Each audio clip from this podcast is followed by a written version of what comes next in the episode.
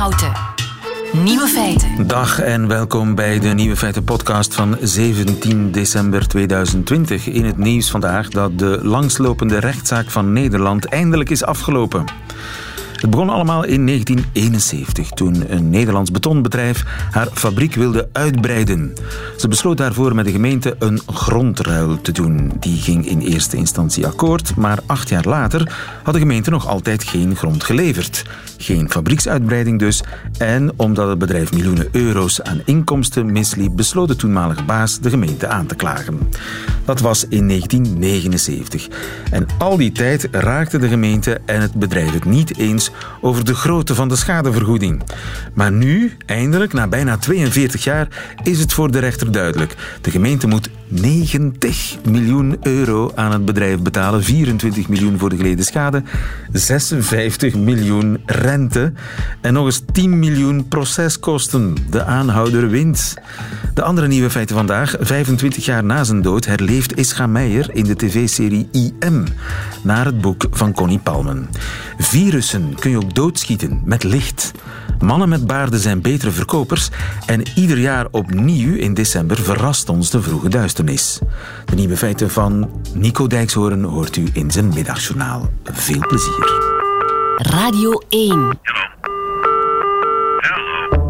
Nieuwe feiten. Kun je virussen kapot schieten met licht? Wel, het is dat wat ze geprobeerd hebben in ieder geval aan de Universiteit van Tel Aviv. Daar hebben ze coronavirus vernietigd met UV-ledlampen. Hans Nouwink, goedemiddag. Goedemiddag. Veterinair viroloog aan de Universiteit van Gent. Ja, uiteraard ging het om virus dat nog niet in mensen was binnengeraakt, hè, maar virussen buiten het lichaam. Ja, dat klopt. In de omgeving. Virussen op oppervlakten, virussen uh, in de lucht, hebben ze die, kunnen ze die ook kapot schieten?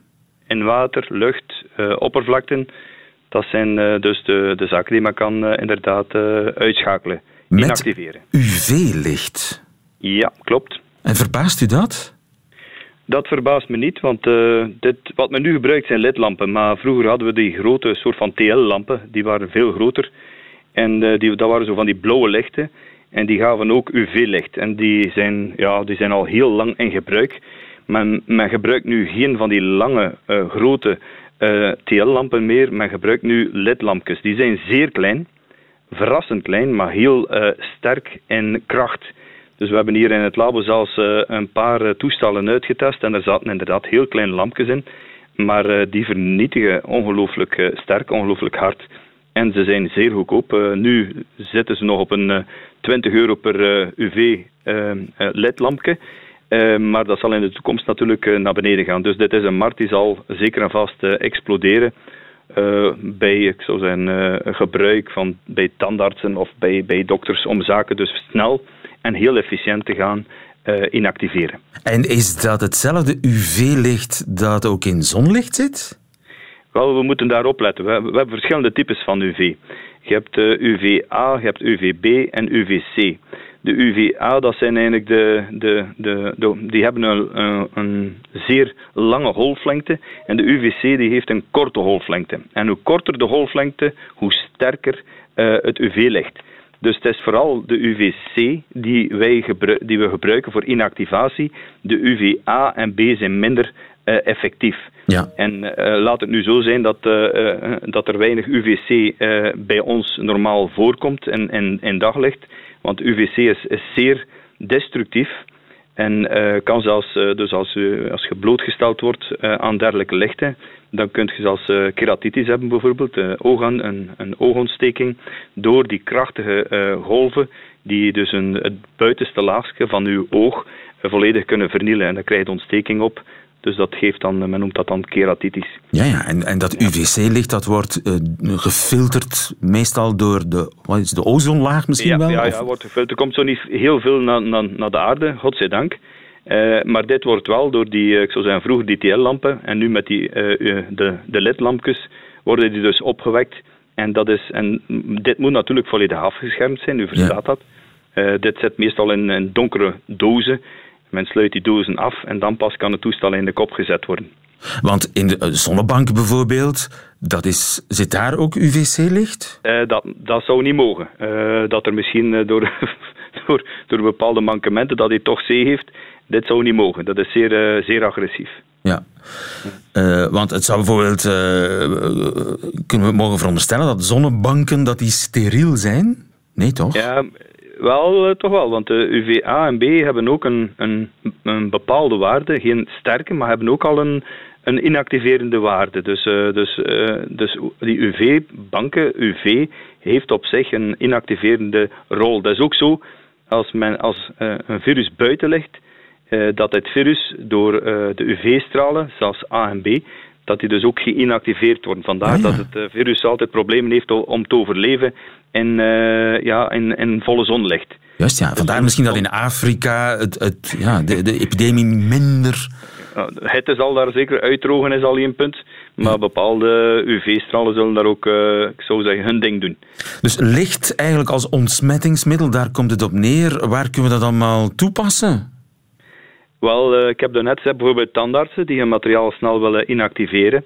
Uh, zoals ik, ik heb hier twee toestellen getest voor karretjes te, ons, uh, te ontsmetten. Dus uh, de, de, de delays en colorate, ja. karretjes. Je weet wel, als je daar binnen gaat, moet je alles beginnen uh, reinigen en doen. en, dat is al een hele, hele miserie. Wel, je kan eigenlijk die, die karretjes door een soort van een tunnel duwen waar er UV-licht op zit. van boven, langs de zijkant, ook onderaan. En als je dus je, karretje, gewoon je winkelkarretje erdoor duwt, wordt alles uh, ja, ge, geïnactiveerd wat erop zit. En komt het totaal steriel uh, aan de andere kant eruit. En dat, is een kwestie van, van een, een, fractie van een seconde en poef, het is klaar. Oh, dat is, dat is een paar seconden. Paar seconden. En niet een fractie van een paar seconden. Want je kan natuurlijk, het is wel zo dat de, de lamp heel dicht moet, moet komen bij het oppervlak. Dus als je thuis een tafel hebt en dat is besmet en je hangt dus een UV-lamp bovenaan aan het plafond, zal weinig werking hebben. Je moet het wel degelijk ja, op een paar centimeter ervan houden en dan werkt het het optimaalst. Ja, Dus als je met die winkelkarretjes werkt, ga je niet op drie centimeter kunnen rijden, want die, die gaan direct kapot zijn natuurlijk. Dus je gaat, die, gaat, er, gaat ergens een ruimte laten van een 10 à 15 centimeter en dat is dan relatief ver, zodanig dat uh, je toch moet rekenen op een paar seconden. Dus een 5 à 10 seconden om dat er gewoon echt te laten doorbewegen. Maar dat zal voldoen om uh, ja, kleine infecties volledig uh, te elimineren. Ja. En ik vind het zelfs een goed principe, niet alleen uh, in functie van COVID-19, maar ook uh, in functie van andere ziekten. Hè. Dus uh, elke winter zijn er heel wat virussen die circuleren. we denken, we kennen eigenlijk op dit moment maar één virus niet meer, dat is SARS-CoV-2, maar dat is verkeerd. er, er circuleren er heel veel.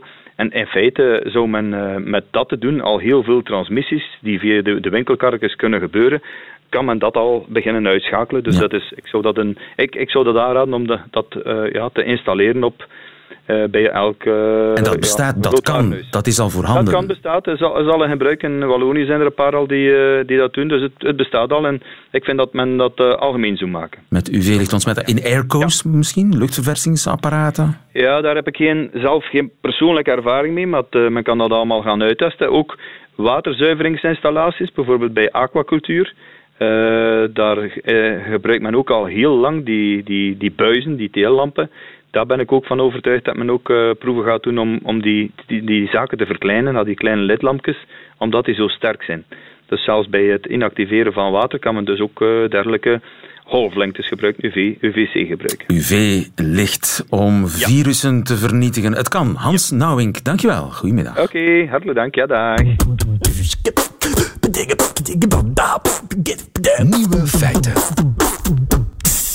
Eén lichtpuntje toch wel in deze wel heel donkere dagen eh, voor kerst. IM, de vierdelige verfilming van het boek van Connie Palmen, is binnenkort te zien op de televisie. Nou, mevrouw Palmen, u heeft een boek geschreven. Het is een mooi boek voor denkende mensen. U heeft het gelezen? Het haar erbij gaat mijn leven veranderen. Dan wil je dat of wil je dat niet? Soms ben ik ongelukkig. En waarom? Uh, liefdeloze ouders, de oorlog, Bergen-Belsen, holocaust, koekoek. Ik heb een koortsseconde. 40, 45. Weet jij dat ik me nog nooit zo niet eenzaam heb gevoeld? Wij zijn tweezaam. Dan ga ik, want dan heb ik me gewoon vergist. Je bestraft jezelf als je gelukkig geweest bent. Ik wil dit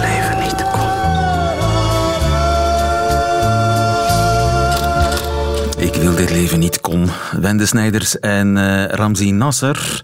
Als Connie Palme en Ischa Meijer in IM te zien op uh, de NPO 1 in de laatste week van het jaar. Goedemiddag, Ramzi. Ja, goedemiddag, lieve. Hi. En gefeliciteerd, want uh, niet alleen vijf sterren in trouw vandaag, maar ook inmiddels een gouden kalf gekregen voor je rol als Ischa Meijer. Ja, ik, ik loop op wolkjes.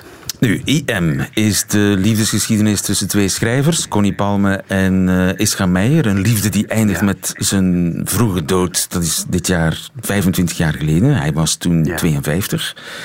Connie Palmen wekt haar grote liefde enkele jaren later weer tot leven in een roman, IM.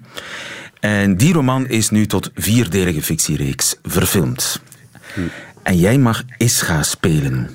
Ja. Hoe groot was de druk? Uh, nou, groot. Um, even groot als mijn, als mijn uh, wens en wil om hem te spelen. Ik weet dat ik bij de auditie door, door de auditie ben ik me in hem gaan verdiepen. Dus al op YouTube oude interviews met hem, van hem aan, gaan bekijken en over hem gaan lezen. En toen wist ik, ik, ik moet deze rol hebben. Ik, ik moet deze man spelen. Het komt maar een paar keer, nou ja, zonder dramatisch te doen, maar zonder, komt maar een paar keer in je leven voor dat je denkt: dit is echt iets wat ik moet spelen. Dus ik was zo blij dat ik de rol had. Je herkende iets inderdaad. van jezelf in hem? Ja, ja, ja. Ja, dat klopt. Ja, Want, en, uh, ja, ja. Hoe zou je Ja, hem dan? typeren? Hij was... Ja, maar nu lijkt het net alles. Als ik hem typeer, dan lijkt het alsof ik over mezelf praat. Maar dat is dus niet, niet het geval. Maar het was een, een enorme. Larger than life, hè? la- ja, met zijn kleine gestalte toch larger than life. Het was achtereenvolgens een schreeuwlelijk, een hyperintelligente interview. Hij was ongelooflijk spits, eh, geestig. Hij had mensen direct door. Hij was de beste interviewer van Nederland. Hij, en hij had een enorm een enorm groot ehm, ja, leed, inwendig leed van zijn jeugd. Een oorlogsgeschiedenis, verstoten door zijn ouders.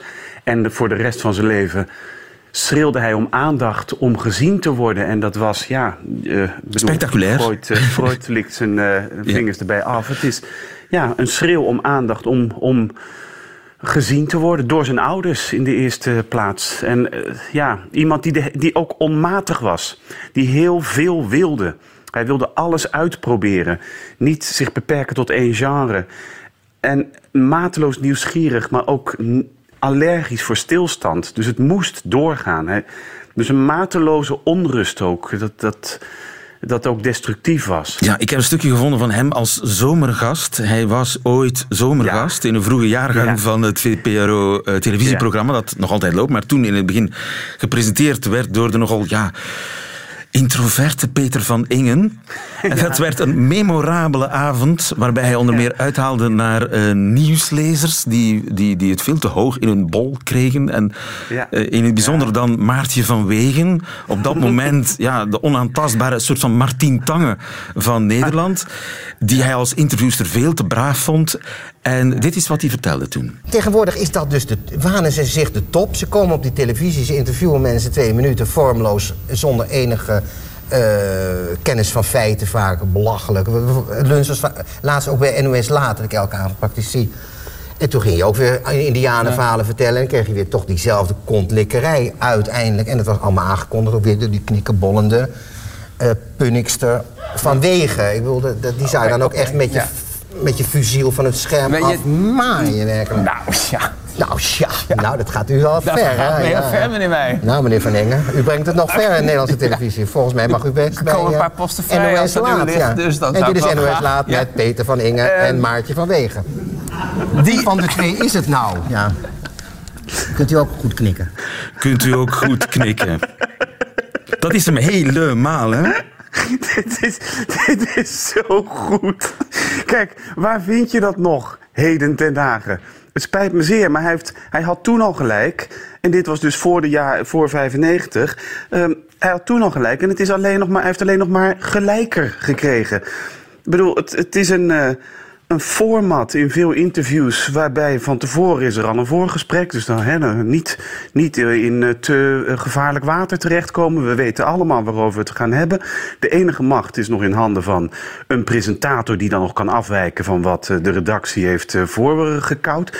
Ja, hij heeft, hij, hij heeft wel een puntje, denk Ja. ik. Ja, interviews met hem konden zegt in het- in een ontaarden. nou ja, het, het- hij- er is een is legendarisch interview. Ja. Ja, ja, ja, het is. Eh, hij, was, hij was gevaarlijk. En, maar wat, kijk, los van alle mythen over hem en alle sterke verhalen.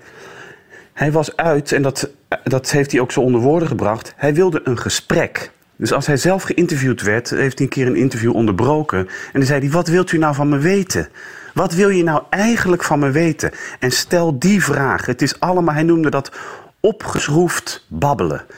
Dus een dood gesprek. En, dan ook nog eens een dood gesprek naspelen. Hij, hij stelde de vraag dan aan zijn interviewer: Wat wil je weten? Laten we een gesprek hebben. Gewoon niet iets voorbereid, niet dezelfde vraag als altijd. Niet herhalen wat, een ander, wat je in een ander interview al gelezen hebt en wat je nog eens herhaald wil horen in jouw programma. Wat wil je van me weten? Want hier heeft niemand wat aan. Dat zei hij dan letterlijk. Ja. Daar is wel courage voor nodig, denk ik. Hij eh, durfde alles. En oprechtheid. Oprechtheid ook. Hij meende het. Het was geen gimmick. Het was niet een soort actie om eens een keer de boel op te stoken. Hij meende het ook echt. Het was een bange man die alles durfde. Ja. Gek, hè? Nou, dat, daar raak je wel aan iets. Want eh, angst, dat was zijn drijfveer. En hij zei ook, hij wilde eerst acteur worden. En acteren noemde hij het in bewaring geven van je gevoelens. Wat ik een erg mooie omschrijving van het vak vind. En in zekere zin, hij is toen gaan interviewen. En dat is ook een vorm van het in bewaring geven van je gedachten en je gevoelens. En hij zei daarover een keer: als je, als je zelf bang bent, dan interview je iemand die ook bang is. En als je zelf niet moedig bent, dan interview je iemand die wel moedig is. En zo kom je dus gaandeweg iets over jezelf te weten. En dat vind ik wel een manier om angst te overwinnen, het interviewen. Ja. Een andere manier om zijn angst te overwinnen was eten. Hij was verslaafd aan eten. Ja, Heb ja, je dat ook moeten spelen? Ook weer. Ja, dat heb ik zeker moeten spelen. We hadden een scène in het Amstel Hotel en het is nog gesneuveld ook. Dus het is gewoon. Ik- heb me voor niks eh eh, ongans zitten vreten. gewoon vijf toetjes bestellen. En dan in. Ik dacht, dan is het leuk als hij dat in één, in één shot. Dus dat je ziet dat het niet gemonteerd is. Achter elkaar opvreet. dus, dus een. eh, nou ja, alles crème brûlée en panna cotta. En dat deed ik dan. En dan, nou, dat was dan het totaal. En dan zei ze, ja, nu, nu, gaan, we, nu gaan we een medium shot maken. Zou ik nog een keer Zou ik nog een keer kunnen doen? En dan kwamen we bij de close. En inmiddels had ik 18 toetjes op. En ze hebben dat allemaal niet eens gebruikt. Dat, maar eh, goed, het lot van de acteur. Nu, hoeveel kilo ben je bijgekomen voor de rol? Eh, ik geloof iets van eh, 8 à 10 kilo, ja. En dat was wel een. eh, niet altijd even makkelijk, want ik moest. Een maand daarvoor moest ik nog een voorstelling Een Klein Leven spelen. En een maand na de opnames wederom. Dus, en dat is een, daarin speel ik iemand die graadmager is.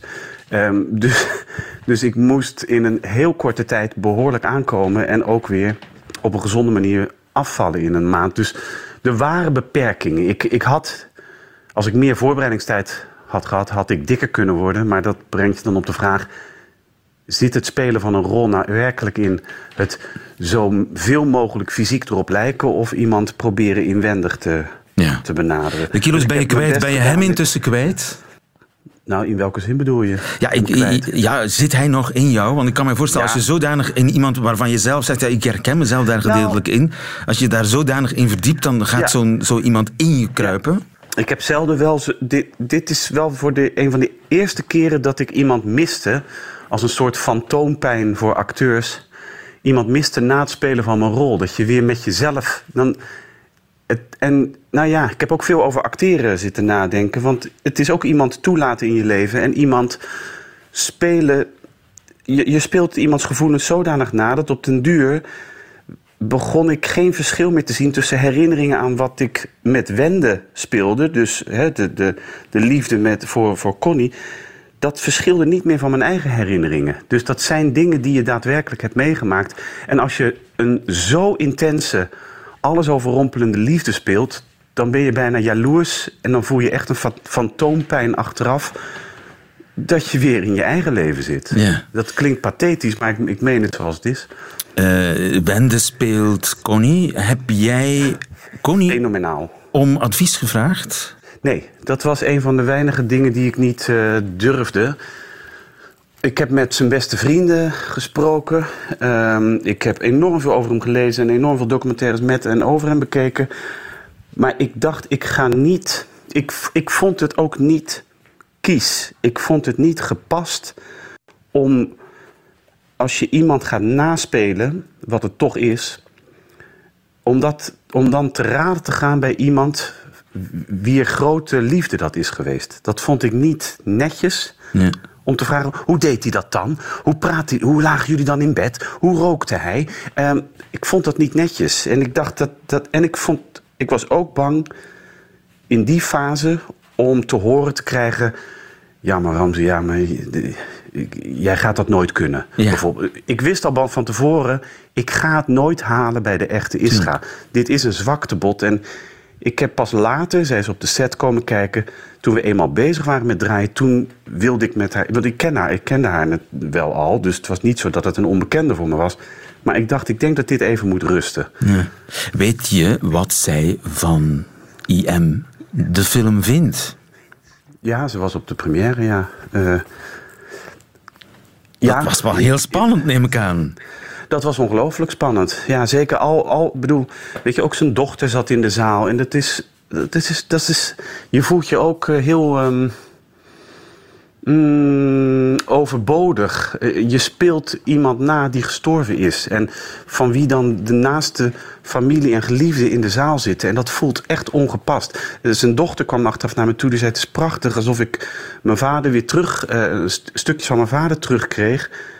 En toch heb, had ik dan de neiging om te zeggen: ja, maar het is het niet echt natuurlijk. Terwijl het is moeilijk om complimenten in ontvangst te nemen achteraf van mensen die hem persoonlijk hebben gekend, omdat je denkt: ja, maar ik haal het niet bij de echte. Ja. Maar die was ontzettend eh, lovend. Dus Ja. daar waren we ontzettend eh, gelukkig mee. Ja, Connie praat niet graag over Ischa Meijer. En eh, dat is uiteraard heel begrijpelijk. En toch wou ze ook meewerken aan een eh, VPRO-radioprogramma van eh, collega Anton de Goede. En toen die vroeg eh, wat ze van de film vond, dan antwoordde ze dit. Nou ja, ik vind dat ik de laatste ben die, die dat objectief kan beoordelen. Het is namelijk volstrekt onmogelijk om naar je eigen leven te kijken of jezelf gespeeld te zien. En ik was ook al een keer op de set en riep voortdurend iemand: Nee, dit is voor de echte Connie. Ik denk, ja, dit, dit, dit schizoïde, daar leef ik altijd dan mee. Als iemand die met fictie, en die fictie maakt, die dat aanlevert, die dat de wereld instuurt. Ik leef met echt en onecht. Het is het grootste. Dus het, het werd nogal vreemd. Ik, ehm, ik denk dat het heel mooi geworden is. Maar ik, nogmaals, ik ben niet degene die het kan beoordelen zelf. Ja, Connie Palman over IM, de verfilming. Nogmaals gefeliciteerd met je Gouden Kalf en de Vijf Sterren. En ik ga zeker kijken, dankjewel. Ramzi Nasser. Dankjewel. Dank je. Radio 1. Nieuwe feiten. Ieder jaar is het toch weer een verrassing als het zo rond half vijf middags al begint te schemeren. Dan denk ik iedere keer, "Huh? zo vroeg? Was dat vorig jaar ook al zo? Ik kan me dat namelijk niet herinneren. Heeft u dat ook? Tom Bekkers, goedemiddag. Goedemiddag, lieve. Je bent professor cognitieve psychologie aan de Universiteit van eh, Leuven. Ik zou er toch aan gewend moeten zijn geraakt intussen. En toch komt die elke december als een verrassing, die eh, vroege duisternis. Ben ik de enige? Nee, lieve, je bent eh, zeker niet alleen. Het blijkt een, een vrij wijdverspreid fenomeen, in ieder geval in onze regionen van, van de wereld. Maar daar zal ik misschien straks op terugkomen. Ehm, ja, dat blijkt eh, veel voor te komen. Iedereen heeft er wel last van. Maar het is toch raar, want ik weet dat toch, want het is elk jaar zo. En toch is het iedere keer weer een verrassing. Hoe kan dat? Ja, dat is een goede vraag. Eh, we kunnen daar alleen maar over speculeren, moet ik zeggen. Want er is niet echt onderzoek gedaan specifiek naar deze vraag. Maar op basis van wat we weten uit ander onderzoek kunnen we wel een soort van educated guess doen. Aha. En ehm, wellicht heeft een en ander gewoon te maken met hoe ons geheugen werkt. Als wij denken aan ons geheugen, dan denken we in eerste instantie aan ons vermogen om mentaal terug te reizen in de tijd, naar het verleden. Maar eigenlijk dient ons geheugen daar niet in eerste instantie voor. Mhm. Maar waar eigenlijk dient ons geheugen dan voor? Ah, om ons voorwaarts te transporteren in de tijd. Ons geheugen, die, die fichebak vol herinneringen, die dient eigenlijk vooral om ons een voorstelling te maken van de nabije toekomst. Ons cognitief systeem, onze hersenen, die maken voortdurend projecties, voorspellingen van hoe de werkelijkheid eruit zal zien op basis van het verleden. En zolang die werkelijkheid vervolgens ook overeenstemt met die voorspellingen van onze hersenen, zolang alles dus regelmatig en voorspelbaar is, hebben we eigenlijk amper aandacht en oog voor die werkelijkheid. Gaat alles zijn gewone gangetje. Het is maar op het moment dat de werkelijkheid afwijkt van wat onze hersenen ons als voorspelling voorhouden, dat er als het ware alarmbelletjes afgaan in ons hoofd. Opgelet, hier gebeurt iets onverwachts. Een prediction error heet dat in het Engels. En, en voor onze hersenen is dat een signaal om die predictiemachinerie bij te sturen, als het Ja. ware. En dan pas gaan we in de fichebak graaien. Zo van, tja, is dat nu al donker? En ja, ja, god, ja, misschien was dat inderdaad wel, Wel- zo. Maar voor de rest, in het dagelijkse leven vergeet je gewoon een heleboel dingen. Ja, het, het, het zit nog wat ingewikkelder dan dat. We, we graaien eigenlijk voortdurend in die fichebak. Ehm, dus voortdurend halen onze hersenen kaartjes uit die mentale fichebak om voorspellingen te maken over de werkelijkheid. Maar als we gaan grabbelen in die mentale fichebak, dan hebben sommige herinneringen meer kans om naar boven te komen en dus onze verwachtingen te bepalen dan andere. En er zijn twee grote factoren die, die daarbij een rol spelen. Ehm, ten eerste, hoe meer soortgelijke herinneringen in die fichebak, hoe groter de kans dat een bepaalde herinnering als, als eerste wordt opgehaald. Ja? Zo'n een dergelijke herinnering. En ten tweede, hoe recenter een herinnering, ook eh, hoe groter de kans dat ze wordt opgehaald uit ons geheugen. Dus we beginnen als het ware altijd van voor in die fichebak te grabbelen, bij de meest recente herinneringen. En wel, als je dan gaat kijken naar onze herinneringen aan hoe een doorsnee dag eruit hoort te zien, dan hebben we veel meer herinneringen aan dagen waarop het nog licht is, op het ogenblik dat we bijvoorbeeld van ons werk naar huis gaan, ons huiswerk aan het maken zijn, onze boodschappen aan het doen zijn, etc. En hoe Dus komt dat? Omdat, omdat er veel Ja, meer er dagen... veel meer van dat soort dagen Juist, zijn. ja. ja.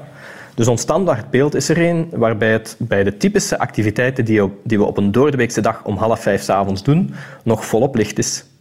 En op het ogenblik dat de dagen beginnen te korten, zijn onze meest recente herinneringen er eigenlijk ook nog aan dagen dat het langer licht was. Want gisteren was het altijd nog langer licht dan vandaag Ja. in deze tijd van het jaar. Dus dat zijn En dus- twee systemen die ons doen denken... het is altijd licht als ik eh, na mijn werk naar huis rijd. Ja, onze hersenen voorspellen voortdurend voor ons langer licht dan wat we werkelijk krijgen. In deze periode van het jaar zetten onze hersenen ons stelselmatig op het verkeerde been. Eh, produceren ze een systematische overschatting van hoe lang het eh, licht zal zijn of hoe licht het nog zal zijn als we bepaalde activiteiten aan het uitvoeren zijn. Ja, ja.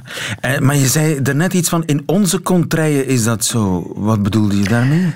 Ja, je ziet dat fenomeen niet overal in de wereld in dezelfde mate. Ehm, als je bijvoorbeeld denkt aan het hoge noorden, de, de, de hoogste regionen van Finland bijvoorbeeld, ja, daar hebben mensen veel meer ervaring met en dus herinneringen aan dagen waarop het donker is op alle mogelijke momenten van de dag. Zij verwachten niks En anders. dus worden mensen Zij zijn daar, verrast door het ja, licht. Mensen Tja. worden daar veel minder verrast. Ja. ja. Die worden veel minder op het verkeerde been gezet, als het ware, door hun Ja. cognitieve machinerie. En ik neem aan, naarmate je dichter bij de Evenaar nadert, waar de dagen elke, el- ja, elke dag hetzelfde zijn, om de Evenaar elke dag om zes uur donker, ja, daar heb je Ja. dat fenomeen uiteraard niet. Mhm. Nee, inderdaad, daar, eh, daar gaat dat ook niet voorkomen. Eh, het wordt natuurlijk nog, nog uitvergroot door de switch van ehm, zomeruur naar winteruur. Want opeens zit er een, een gigantisch verschil tussen onze meest recente herinneringen en wat er dan de volgende dag gebeurt. Dus dan is die ehm, verrassing nog meer uitgesproken. En, en in meer algemene zin kan je wellicht zeggen dat onze jaarlijks wederkerende verrassing over dat het toch zo vroeg donker wordt, wellicht een vrij recent fenomeen is in de menselijke geschiedenis, omdat het als het ware een cultuurproduct is. Gezien die, dat zomeruur en winteruur. Wel, niet alleen. Ge- Gezien het feit dat we ehm, onze dagelijkse activiteiten hebben losgekoppeld van het daglicht. In vroeger tijden, toen mensen nog met de zon leefden, stonden ze op als het licht werd, gingen ze slapen bij het donker en alle activiteiten daartussenin die schoven in de winter wellicht haast ongemerkt dichter naar elkaar. Ja. En dan had je dus niet dat mensen verrast opmerkten dat het al donker was terwijl ze nog maar net van de berenjacht kwamen. Juist, Want ja. mensen kwamen thuis voordat het donker werd. Maar wij hebben kunstlicht, dus we zijn voor onze activiteiten niet meer afhankelijk van de stand van de zon. Ehm, zodat we dus de ene keer aan het eind van de 9-to-5 werkdag kunnen buitenstappen in de volle zon en op een ander moment in de winter in het duister. 17 uur, nee, wat zeg je? 16 uur 37. 16 uur 37 gaat vandaag de zon onder. Het is maar dat u gewaarschuwd bent. Dankjewel, Tom Bekkers. Goedemiddag. Graag gedaan. Radio 1. Nieuwe feiten. Bent u een man en werkt u als verkoper, dan heb ik een tip voor u. Stop met scheren. Iris Vermeer, goedemiddag. Goedemiddag. Je bent eh, professor consumentengedrag aan de Universiteit van Gent. Het is een Amerikaanse studie die uh, heeft onderzocht of advertenties met baarden of verkopers met baarden meer succes hebben dan hun gladgeschoren collega's. Hoe hebben ze dat aangepakt? Inderdaad. Hoe hebben ze dat aangepakt? Ze hebben eigenlijk een aantal uh, foto's getoond aan uh, respondenten. Uh, foto's met mannen met baarden en mannen zonder baarden. En men heeft dan eigenlijk gevraagd wie vertrouw je het meest of vertrouw je deze persoon? Zou je van deze persoon een product aankopen?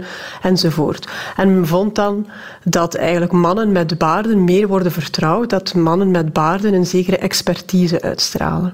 Dus in uh, alle gevallen wint de baard. Want ze hebben ook real-life testen gedaan. Hè? Ze hebben ook mannen met baarden ja, een ijskast laten alleen... verkopen. Ja, ja, ze hebben niet alleen in een, in een online uh, labcontext uh, bij een online panel getest, maar ook op Facebook hebben ze zo'n studie uitgevoerd waarbij dat ze advertenties hebben getoond op Facebook.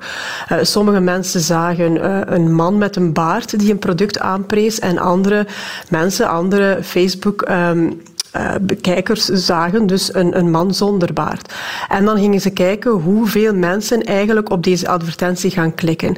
En men vond dat um, in real life dus ook wel mensen meer gaan doorklikken op die advertenties wanneer er een verkoper met een baard afgebeeld staat. Mij verrast dat omdat het klassieke beeld van de verkoper is glad geschoren. Heel glad geschoren.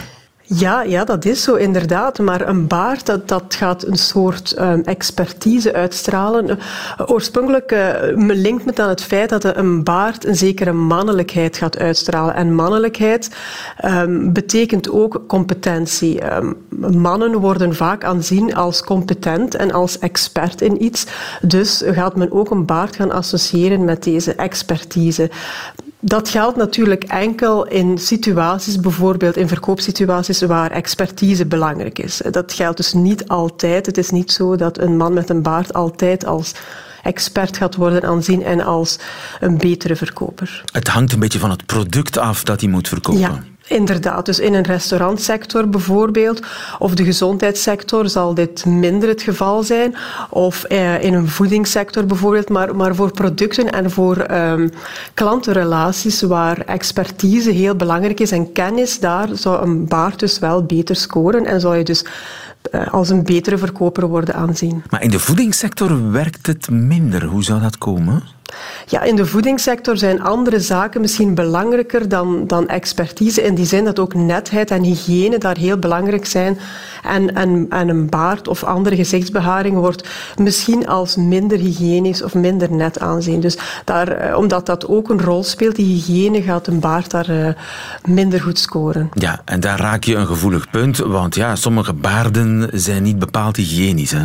Of ze hygiënisch zijn of niet, daar, uh, daar uh, spreek ik mij niet over uit. Het is de perceptie die telt. Hè. Dus, ja. uh, soms maar het moet wel een, verzorgde baard zijn, neem ik aan. Ja. Ook al als je die, dat vertrouwen baard. willen winnen. Ja, inderdaad. het onderzoek toont ook aan dat stoppelbaarden bijvoorbeeld niet zozeer leiden tot, tot ergens een, een, een, goed resultaat. Het is een goed verzorgde, iets langere baard kan ervoor zorgen dat men als meer een expert wordt aanzien, maar niet zozeer een stoppelbaard of zo, die, die er iets Geen bad boy baard, maar een vaderlijke baard. Ja, een vaderlijke baard. Uh, en een bad boy baard, uh, die zal niet echt scoren, of niet echt goed scoren in, in dit onderzoek. En een snor?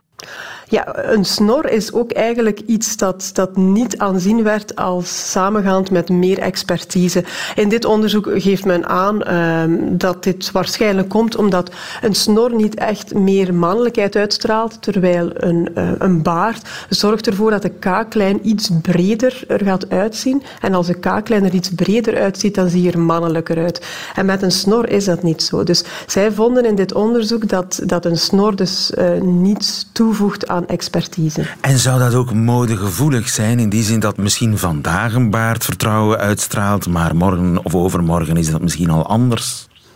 Dat zou kunnen zijn, maar in dit onderzoek hebben ze toch wel uh, in verschillende contexten en voor verschillende situaties dit getest. Plus natuurlijk, uh, als, als het kan verklaard worden door het evolutionair perspectief dat zegt dat, dat uh, mannen met baarden als meer competent worden aanzien. Dat is natuurlijk iets dat, dat zich zal, zal voordoen uh, in verschillende culturen, maar ook in verschillende, bij verschillende modetrends enzovoort. Het is natuurlijk wel heel persoonlijk. Voor sommige mensen um, gaan baarden um, bijvoorbeeld niet als per se beter aanzien, maar in het algemeen zou dit niet zozeer afhangen van, van modetrends. Ja, dus uh, mannen die vandaag nog een auto of een eh, koelkast moeten verkopen, die weten wat hen te doen staat. Iris Vermeer, dankjewel. Ja, Goedemiddag.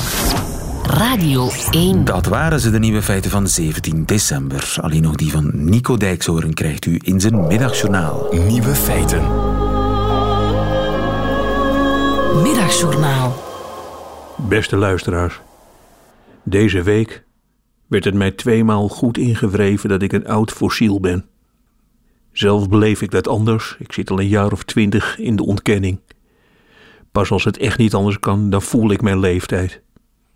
En ik heb het dan niet over de valse romantiek van mensen die steeds maar weer vertellen dat ze eigenlijk altijd een jongetje of een meisje van twaalf jaar zijn gebleven. Je vastklampen aan die gemystificeerde onschuld vind ik een beetje pathetisch gedoe van mensen die bang zijn om te sterven. Sommige kunstenaars die hebben daar een handje van.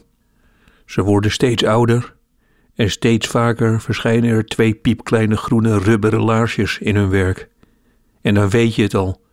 Het thema is kinderlijke onbevangenheid. In de regen lopen en het dan niet erg vinden dat je nat wordt. En die onbevangenheid, die ben ik wel kwijt, luisteraars. En toch, en toch. Gisteren kreeg ik het bericht dat een oude vriend van mij, iemand waar ik jarenlang als jongetje tijdens vakanties mee door de duinen in Kallensoog zwierf, dat hij plotseling was overleden. Zijn vrouw mailde mij. Hij had het een paar keer over mij gehad. En ik schrok, want ik kende geen andere jongen die zo onsterfelijk had geleken. In die somberte, midden in die somberte, werd ik gebeld door mijn dochter. Ze had een draaitafel gekocht en wilde nu weten hoe dat werkte. Hoe stelde je bijvoorbeeld de zwaarte van de naald in? Zat het niet over groeven van de plaat, maar zat het over die zwarte cirkels? Mocht ze de plaat wel met haar blote handen aanraken? En hoe zag je nou precies waar een nieuw liedje begon? Mijn dochter belde net op tijd. Ik werd heel vrolijk van het idee dat zij aarzelend omarmde wat ooit mijn leven had veranderd. Ik denk dat ik minimaal duizend keer de LP Ziggy Stardust van David Bowie in mijn handen heb gehad. Ik kende iedere groef, ik kende iedere tik. Door mijn dochter gaf ik mij over aan oude mannengedrag. Ik gunde mijzelf een mijmering. Wat was nou eigenlijk de eerste plaat die ik ooit had gedraaid? Het was een plaat met vogelgeluiden. Op de hoes stond welke vogel je hoorde. Ik kreeg die plaat van mijn opa. En een half jaar later was hij dood. Het is allemaal wat melodramatisch, maar als ik een wielenwaal hoor, dan denk ik aan handen op vinyl en aan mijn opa. Luisteraars, ik heb lang geaarzeld of ik u dat allemaal zou vertellen, maar nu weet u het. Ik herken vogels en ik mis een opa die ik nooit heb gekend.